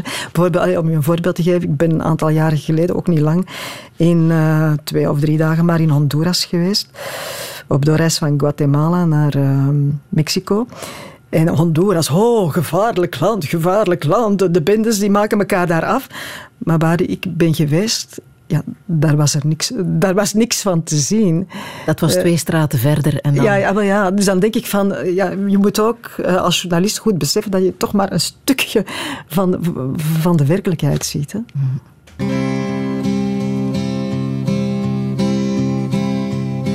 Many's the time I've been mistaken,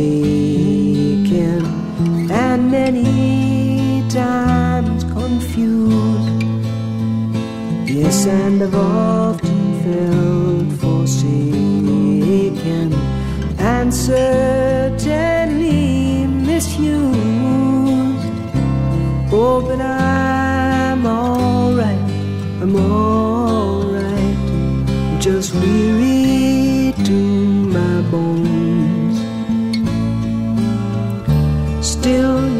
expect to be bright and bon vivant so far away from home. So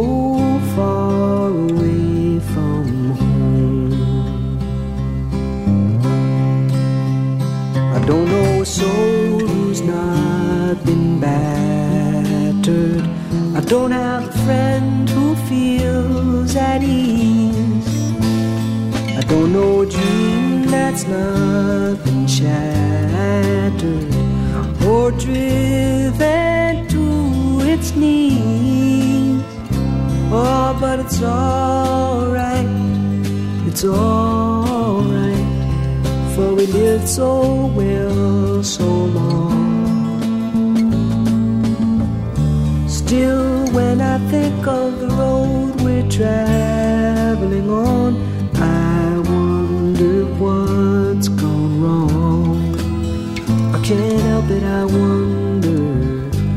what's gone wrong. And I dreamed I was dying. I dreamed that my soul rose unexpectedly. And looking back down at me, smiled reassuringly. And I dreamed I was flying. And high up above, my Statue of Liberty sailing away to sea. And I dreamed I was flying. Or we come on the ship they call the Mayflower. We come on the ship that sails the moon. We come in the age's most uncertain hours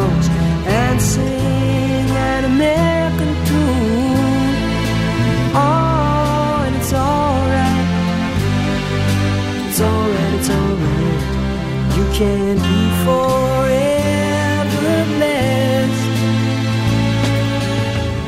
Still, tomorrow's gonna be another working day, and I'm trying to get some rest.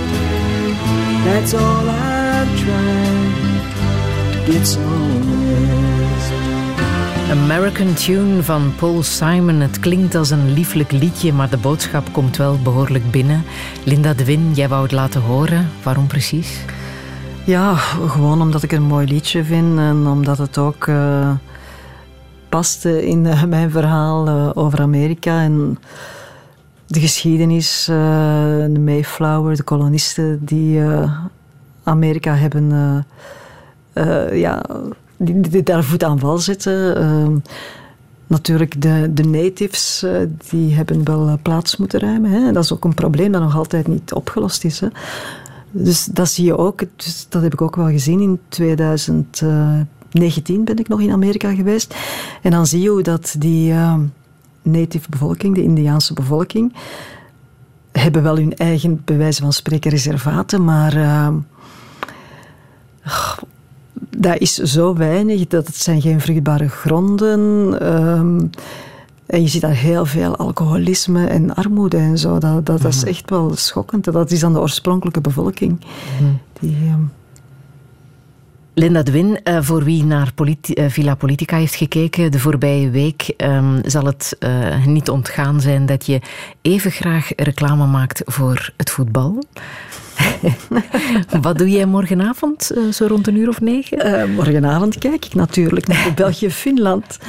Ja, ja, dat doet me eraan denken. Vorige donderdag speelde België tegen Denemarken. En we waren op tijd klaar, dus ik rijd uh, flux naar huis. Was het de grootste file sinds twee jaar. Oh, ik, ik, ik ben van de E19 gereden. Ik weet niet waar ik allemaal gezeten heb. En ik was Allemaal zee. om geen seconde van ja, het voetbal maar ik heb, te missen. Ik heb wel de eerste minuten gemist. Dus ik heb de Deense goal gemist. Ik heb dat Deens offensief gemist. En dan zit ik mij echt wel op te vreten. Dan denk ik, hoe kan dat nu? Hoe kan dat nu? Waarom moet mij dat nu overkomen? Ik probeer mij Linda de Win voor te stellen, die supportert voor de Rode Duivels. Hoe gaat dat? Uh, op het, op het puntje van mijn stoel en, en roepen en, uh, ja, en, ja. En, en, aanmoedigen en zeggen naar voren, naar voren. Nee, niet naar achter. De, staat, de goal staat aan de andere kant. Ja, dus zo gaat dat dan. Pronostiekje voor morgenavond, wat denk je? Oh, zou het toch mee... Maar ja, ik zeg, ze zouden het uh, makkelijk moeten winnen. 2-0. Oké, okay, dat is genoteerd. Wie is jouw favoriete speler? Van de Rode Duivels. Vroeger zou ik altijd gezegd hebben Dries Mertens, maar dat is gewoon omdat ja, hij is klein en is heel bewegelijk. En als je klein bent in het voetbal, ja, dan, uh, dan, uh, dan zeggen ze van die past niet meer in het moderne voetbal. Uh, nu, ik moet zeggen, Lukaku, dat, die spreekt toch ook wel aan hoor, hoe dat die...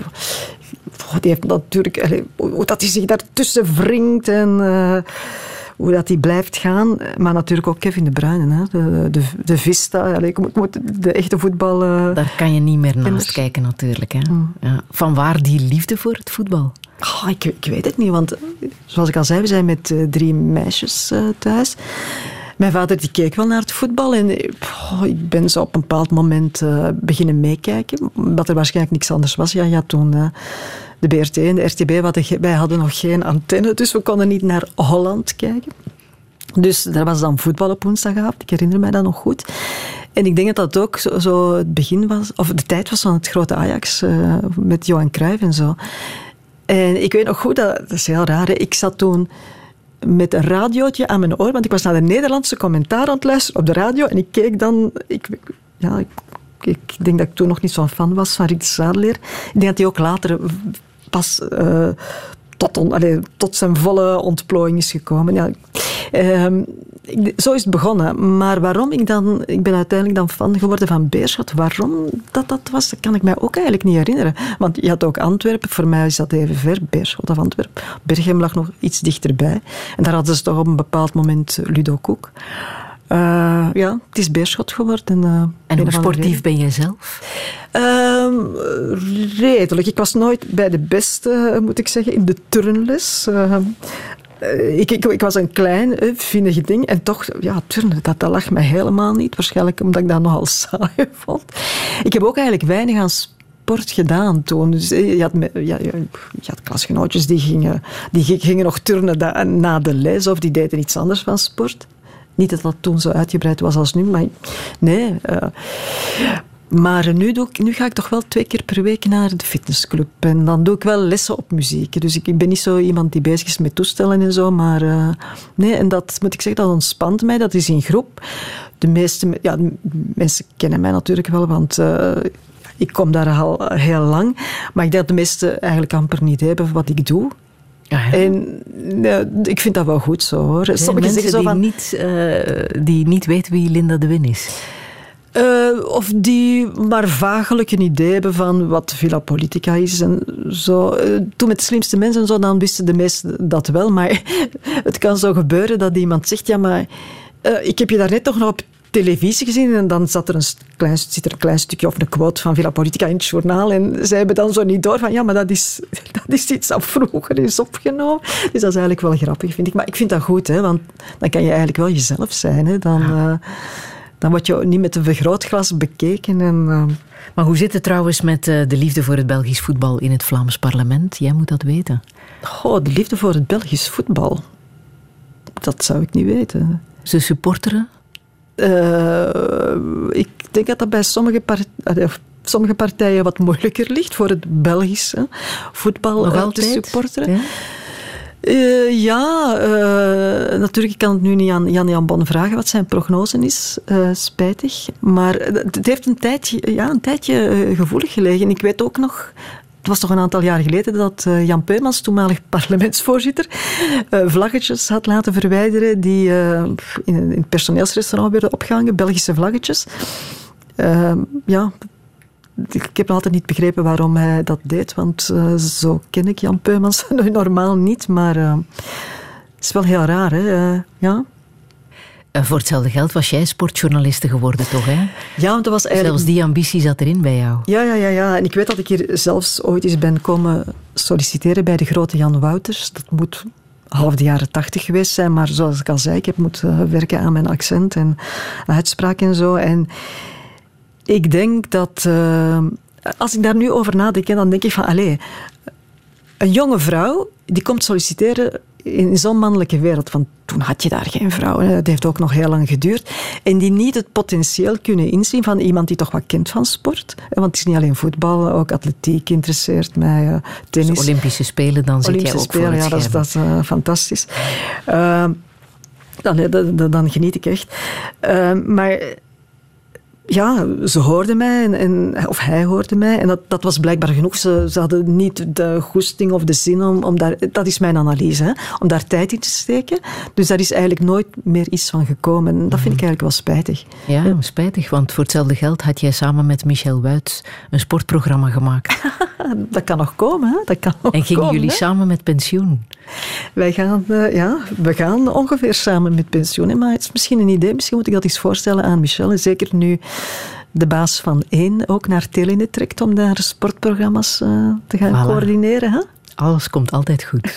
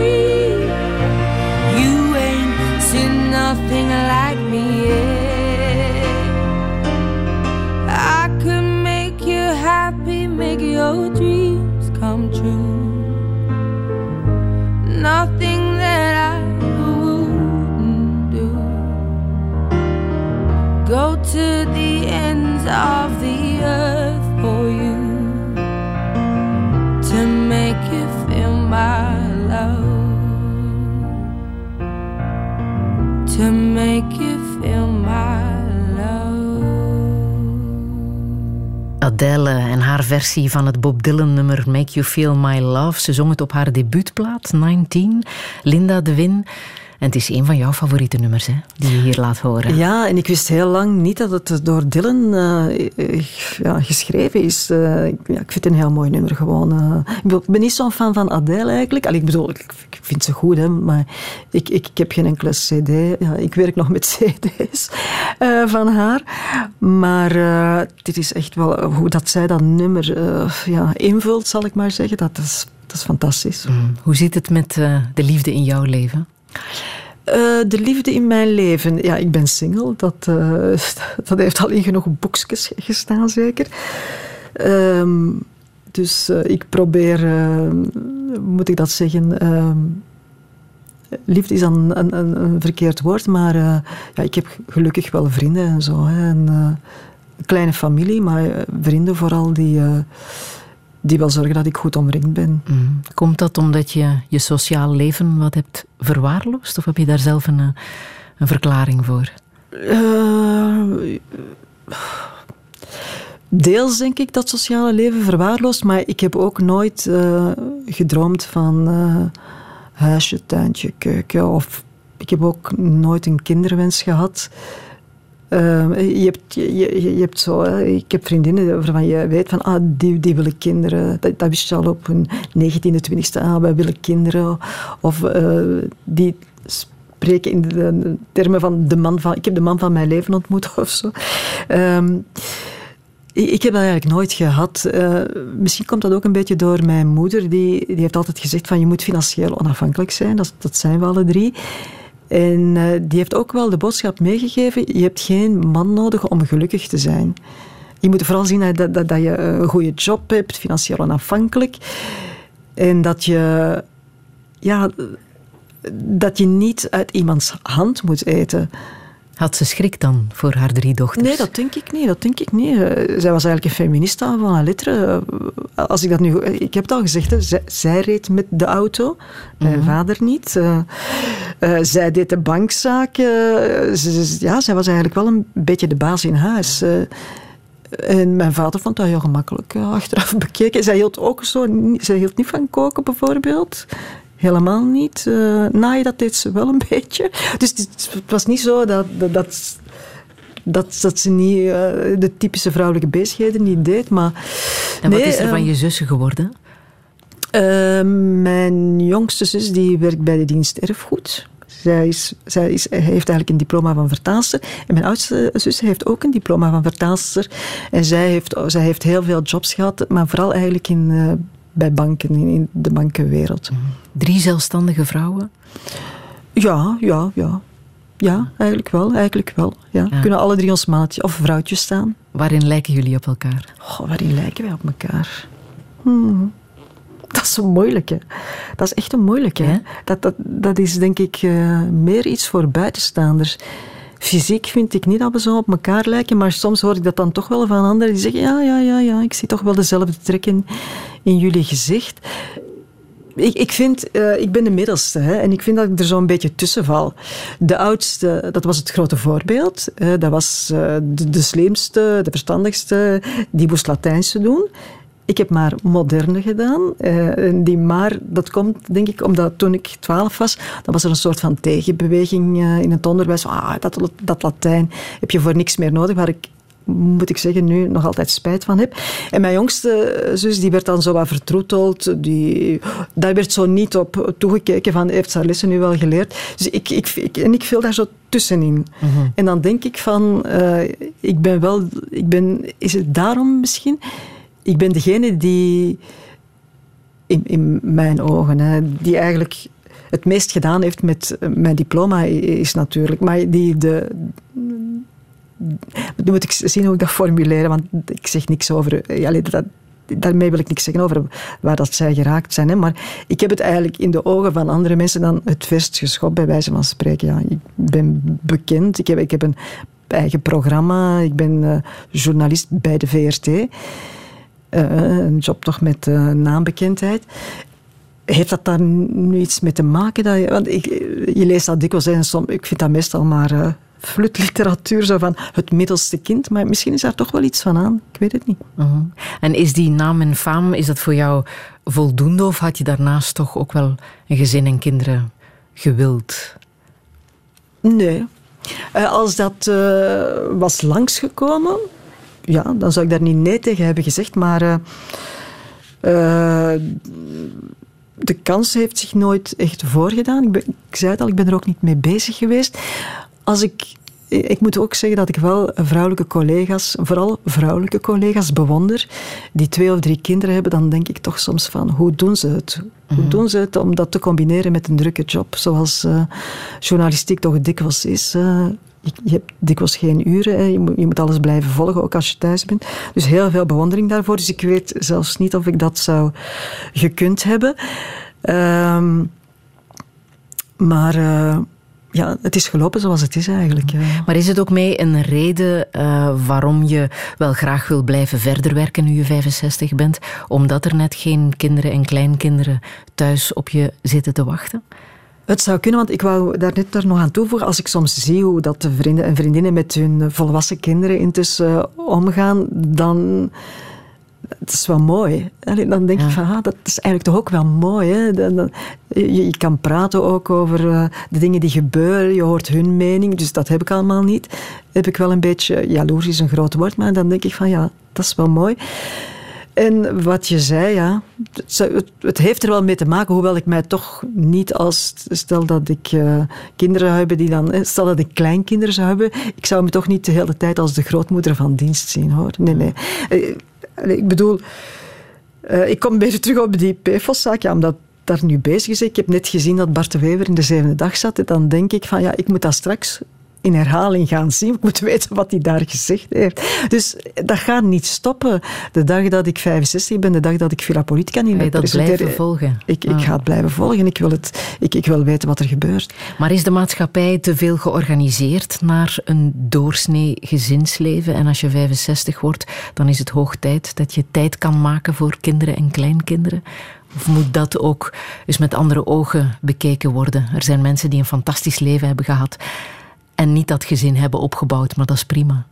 Ja, dat vind ik zeker. Mm. Dat is zeker prima. Uh, ik vind wel dat, uh, dat is heel vreemd, hè, want er zijn zoveel alleenstaande of ook uh, alleenstaande met, met, kinderen, maar ik bedoel, het klassieke gezin wordt stil aan de minderheid en ik heb toch de indruk dat dat bij het beleid nog niet altijd is doorgedrongen. wat zou jij daarin veranderen? Mm, ja, uh, nu iets heel concreet. Uh, als single, dat, dat weet jij dan. Ik veronderstel, ik, ik weet niet. Ik, ik ben niet single, maar nee, nee, dit nee, maar Singles die betalen het, het, meest aan belastingen. Dus daar mag wel eens iets aan gebeuren, vind ik. Hè. Ehm, ja, of dat je nu. Ik bedoel, elektriciteit, gas en zo, dat is ook voor. Ik bedoel, wij, wij betalen veel meer in verhouding dan, dan een gezin en zo, die, die dan uh, weet ik veel wat krijgen. Ik heb me er nog niet echt in verdiept, maar je, je, ziet de cijfers altijd in de krant staan en dan denk ik van oei, oei, oei, oei, dat is eigenlijk toch niet eerlijk. Dus het beleid zou daar toch eens beter mee moeten omgaan, vind ik. En de single eigenlijk niet bestraffen, omdat die single is op dat vlak. Mm. Dicen que por las noches no más se le iba en puro llorar. Dicen que no comía, no más se le iba en puro tomar. Juran que el mismo cielo se estremecía al oír su llanto cómo sufría por ella, que hasta en su muerte la fue llamando.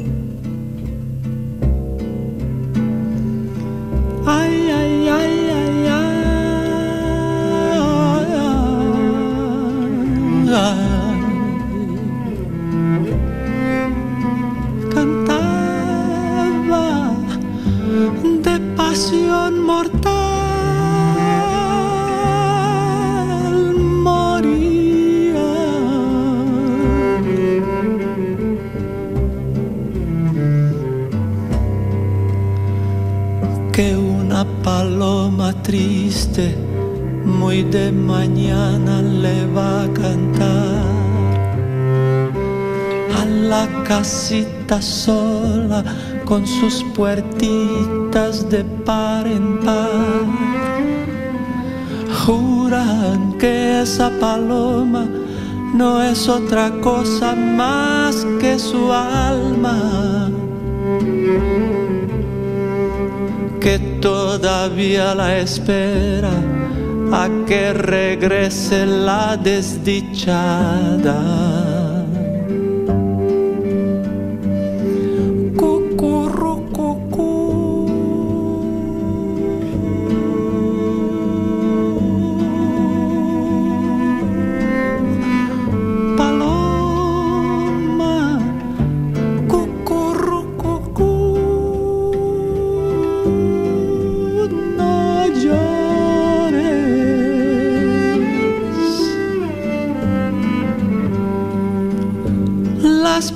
Piedras jamás.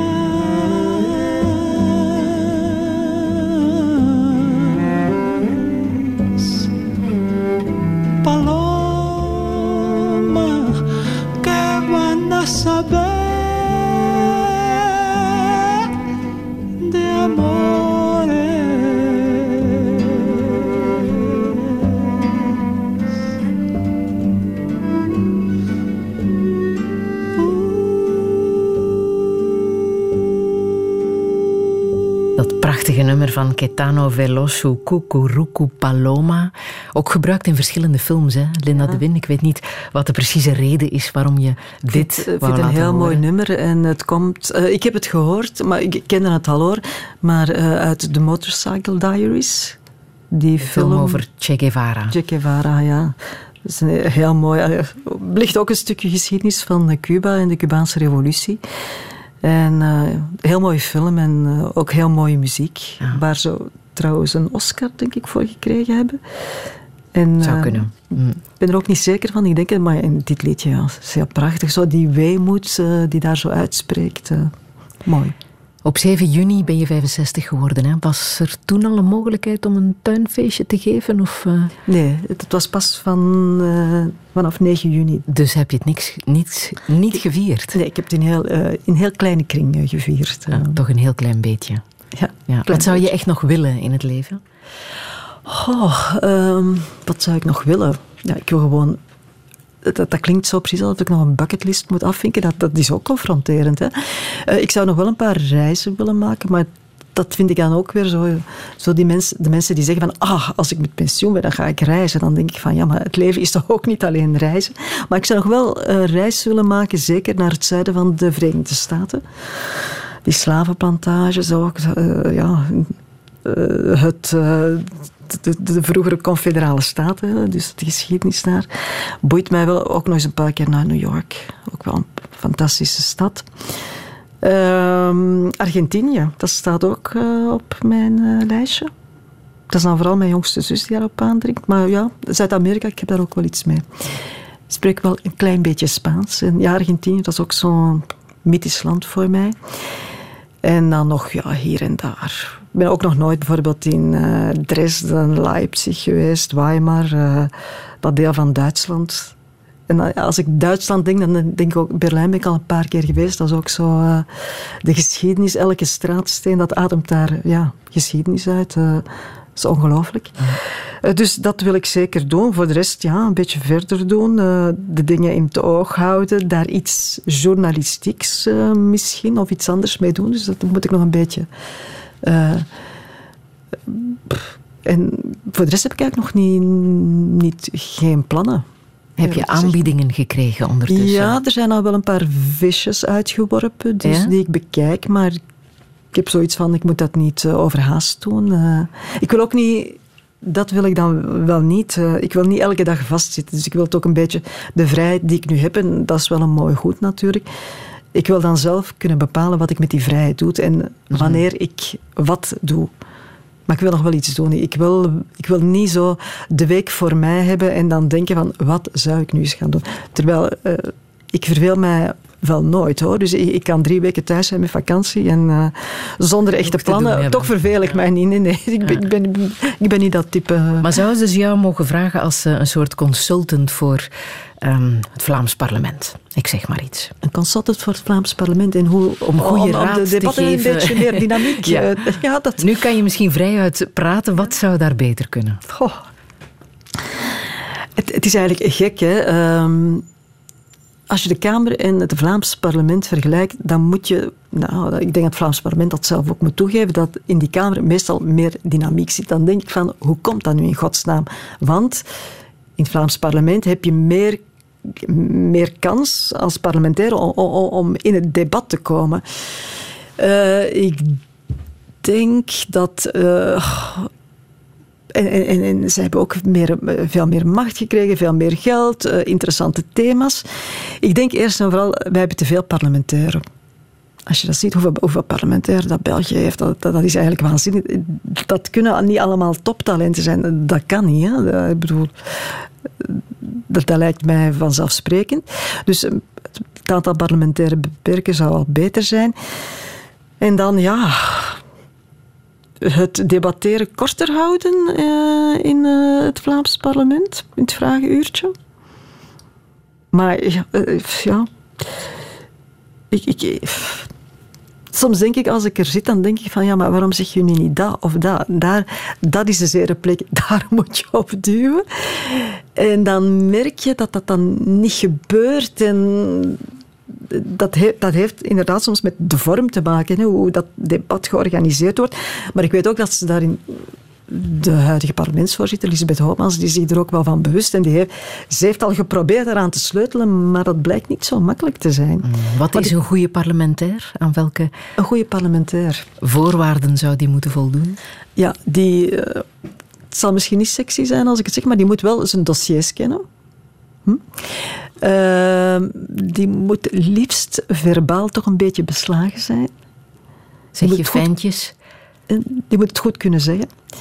Uh, ik zie ook veel parlementairen die uh, gewoon van het blad aflezen of nu ze moeten op hun plaats blijven zitten als ze de vraag stellen. Of in het Vlaamse parlement is dat toch zo. Of gewoon van hun computer. Ja, dat zou ze echt moeten verbieden. Uh, en die moet natuurlijk weten hoe dat politieke spel in elkaar zit. Hè. Mhm. Dat is misschien wel het allerbelangrijkste. Ja, want wie weet worden ze geïnterviewd door jouw opvolger of opvolgster in Villa Politica. Heb je daar al zicht op wat er gaat gebeuren na jou? Uh, ze, ze, zijn ermee bezig en ik denk dat ze iemand op het oog hebben. En ik denk dat die dat... Uh, dat hij of zij dat even goed gaat doen eh, als ik. Waarschijnlijk anders en hopelijk anders, want uh, het is, dat denk ik best iedereen zijn stijl, zou ik zeggen.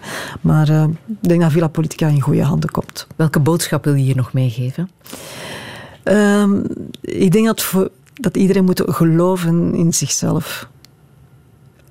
En dat je kracht moet putten uit jezelf. Het is misschien makkelijker gezegd dan gedaan, maar ik vind dat ik toch ook wel af en toe wat tegenslag heb gekend. Je, uh, je, mag je niet uh, laten ontmoedigen en je mag je zeker niet.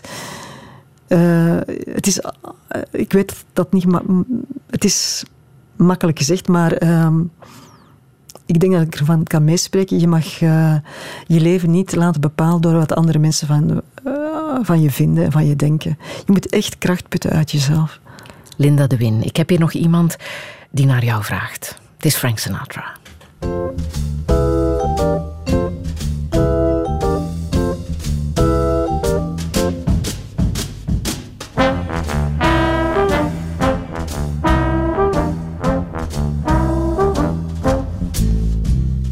I go to sleep, I never count sheep.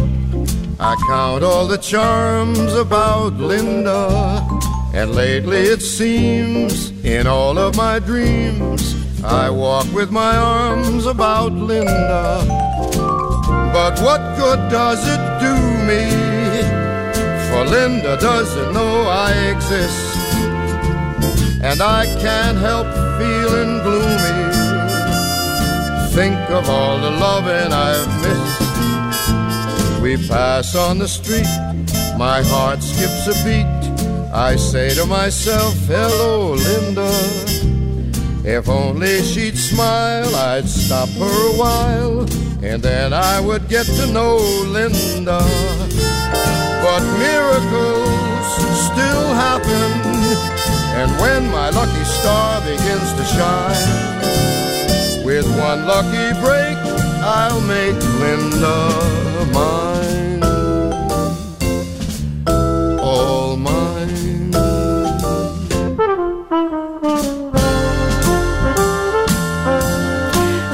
Sinatra en zij ode aan eh, Linda. Linda de Win, ik wil jou hartelijk danken voor het fijne gesprek. Ik wens jou nog een lang en actief leven toe. Alle info van de dingen die hier ter sprake zijn gekomen kan je nalezen op radio1.be. En volgende zondag sluiten we dit negende seizoen van Touché af met de cartoonist Lecter. Heel graag tot dan. Radio 1. niet.